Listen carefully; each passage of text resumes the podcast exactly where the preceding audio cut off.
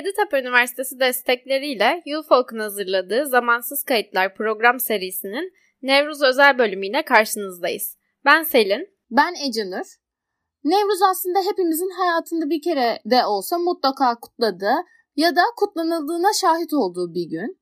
Orta Asya'dan Balkanlara uzanan çok geniş bir bölgede farklı uluslar tarafından kutlanıyor ve bu uluslar bu Nevruz Bayramı'nı kendi kültürlerine göre, kendi inançlarına göre kutluyorlar aslında. Peki bu kadar geniş bir alanda sürdürülen bu geleneğin amacı ne?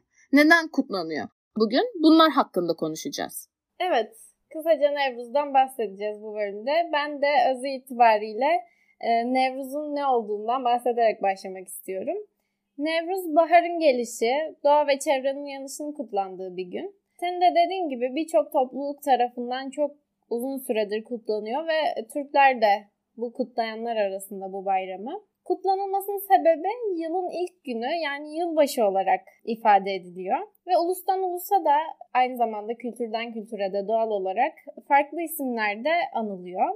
Birkaçından bahsedeyim burada. Ekin Bayramı, Sultan Nevruz, Mart 9 gibi isimler var. Tabii ki burada saymakla bitiremeyeceğimiz çok fazla isim var. Çünkü çok geniş kitlelerce kutlanan bir bayram. Nevruz 21 e, Mart'ta başlıyor ve 23 Mart gününe kadar devam ediyor.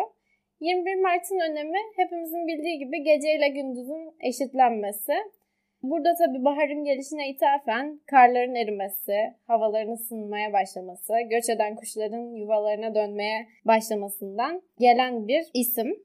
Bütün varlıklar için uyanış ve diriliş günü olarak da ifade ediliyor aynı zamanda. Gece ile gündüzün eşit olduğu bugün miladi takvimde 22 Mart, Rumi takvimde ise 9 Mart gününe denk geliyor. Bahsettiğin gibi Selin, Nevruz çok geniş topraklarda, çok geniş coğrafyalarda kutlanmış ve aslında günümüzde de kutlanılmaya devam ediyor. Aynı zamanda da çok köklü bir gelenek. Nevruz'un tarihine kısaca bakmamız gerekirse buzul çağının bitmesinden hemen önceki işte 15 bin yıla kadar uzanıyor bu. O çağlarda mevsimler insanoğlunun hayatını çok fazla etkiliyorlar. Her şey mevsimlerle ilgili bütün kararlar mevsimler göz önüne bulundurularak alınıyor. Karlı, soğuk ve zor geçen bir kışın ardından da açan çiçekler, yeşillenen doğa insanoğlu içinde bolluk bereketi belirtiyor. Birazcık daha ferahlamayı, birazcık daha rahatlamayı aslında anlatıyor ve bunun için bugünü kutluyorlar diyebiliriz. Evet temelde baharın gelişi kutlanıyor ama birçok gelenekte olduğu gibi farklı rivayetler de var. Belki sen de duymuşsundur. Mitolojik bir yanından söz ediliyor Nevruz'un. Kutlamaları başlatan kişinin İran'ın mitolojik hükümdarlarından Kral Cemşit olduğu hakkında bir rivayet var. Ayrıca e, Hazreti Ali'nin doğum günü ve Hazreti Fatma ile evlendiği gün olarak yaratılışın ve sevginin, mutluluğun alevlendiği bir gün olarak da biliniyor. Evet senin de söylediğin gibi Nevruz'un kutlanma sebebiyle ilgili birçok ritüel var, birçok farklılık var. Türklerde Nevruz hakkındaki başlıca rivayet ise bugünün bir kurtuluş günü olarak kabul edilmesi. Yani Ergenekon'dan çıkışa işaret ediyor. Bu nedenle bugün Türklerde Nevruz yeni yılın başlangıcı olarak kabul edilmiş ve bu şekilde kutlanılmaya devam etmiş yüzyıllardır. Evet, Türkler için Nevruz'un anlamından söz ettiğimizde e, benim ilk aklıma işte Türkiye'de nasıl kutlanıyor diye düşününce gül ağacının altına çizilen figürler ve ateşten atlanılması gibi e, gelenekler, ritüeller geliyor.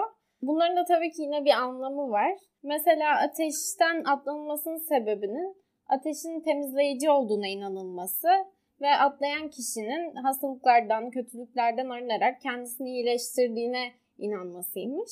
Türkiye'de de aslında şehirden şehire farklı kutlamalarla karşılaşabiliyoruz değil mi? Evet haklısın. Mesela Edirne'de Sultan Nevruz adıyla verilen eğlencelerde eski hasırlar yakılıp Mart içeri, pire dışarı diyerek üzerinden atlanıyormuş. Kırklareli'nde ise Nevruz Selin'in de söylediği gibi Mart'ın 9'u olarak kutlanılıyor. Halk üzeri boyanmış yumurta, börek, lokma gibi yiyeceklerle kırlara gidip eğleniyorlar.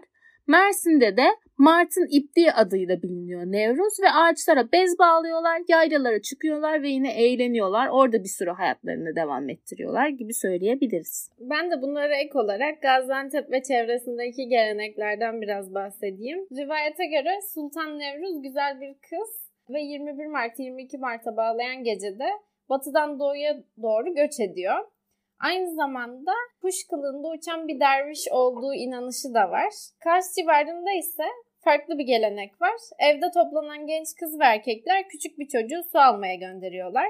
Çocuk hiç konuşmadan ve arkasına bakmadan bir kova su getiriyor ve kovanın içine orada bulunanlar tarafından renkli iplikler ve iğneler atılıyor. Sonra birleşen iplik ve iğnelerin sahiplerinin birbiriyle evleneceğine inanıyorlarmış.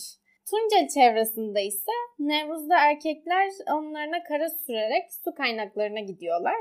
Bu karaları kaynak suyuyla yıkayanların dileklerinin kabul olacağına inanılıyor. Aslında hep bir dileğin gerçekleşmesine dayalı farklı farklı gelenekler var.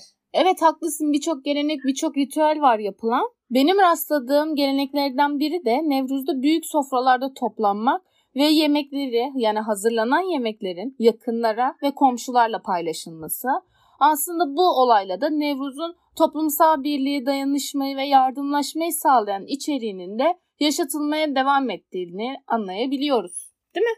Evet, baharın gelişinin dışında diğer bir amacı da aslında sen de dediğin gibi dayanışmayı, yardımlaşmayı güçlendirmek. Türkiye'de de yemek dediğimizde Nevruz'la ilgili aklımıza gelen çiğdem pilavı.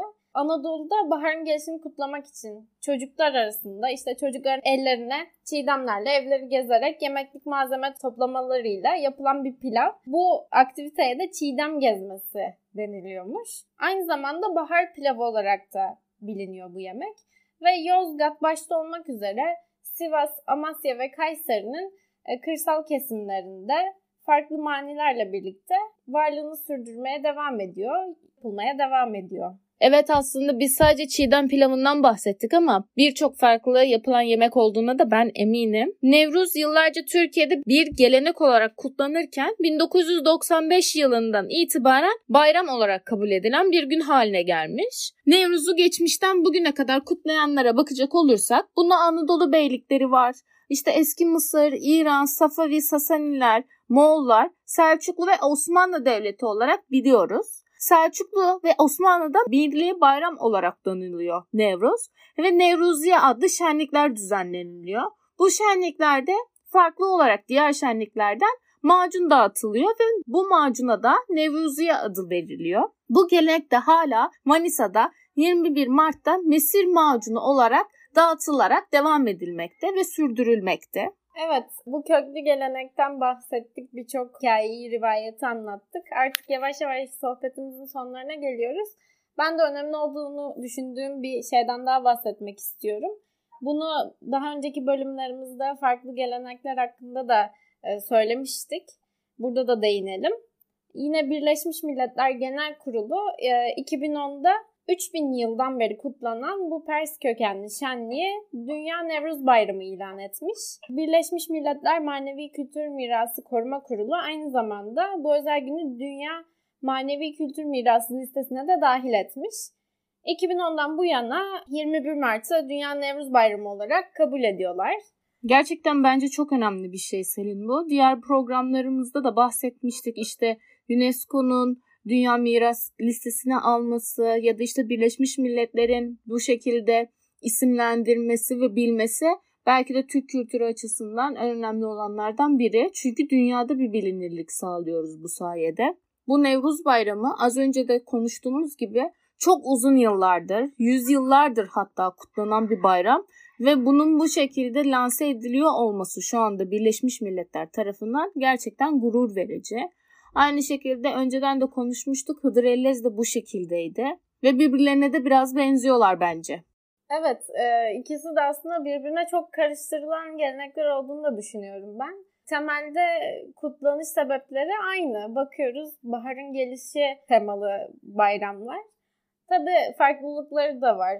Hıdrellez'de Hazreti Hızır ve Hazreti İlyas'ın buluşması da göz önünde. Ancak insanlar doğanın gelişini kutlamak için çeşitli etkinlikler yapmışlar ve senin dediğin gibi çok benziyor Nevruz ve Hidrellez. Gelenekleri de çok benziyor. Yapılan ritüeller çok benziyor. O yüzden karıştırılması da normal diye düşünüyorum. Evet kesinlikle birbirlerine benzerliklerine göz ardı etmemeliyiz. Birbirinden farklı kutlanan iki gün aslında ama birbirleriyle çok fazla benzerlikleri var. Ben bunu da şuna bağlıyorum. Ee, aynı bölgelerde kutlanan günler olduğu için birbirlerine birazcık esinlenmiş olabilirler ama Nevruz Bayramı'nın çok daha eskiye dayandığını bu programla beraber hepimiz tekrar da duymuş ve öğrenmiş olduk. Bugün Selin'le beraber Zamansız Kayıtlar Podcast serimizin Nevruz Bayramı özel bölümüyle karşınızdaydık.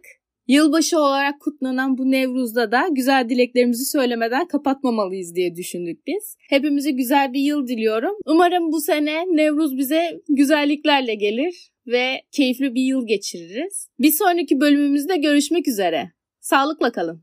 Hoşçakalın.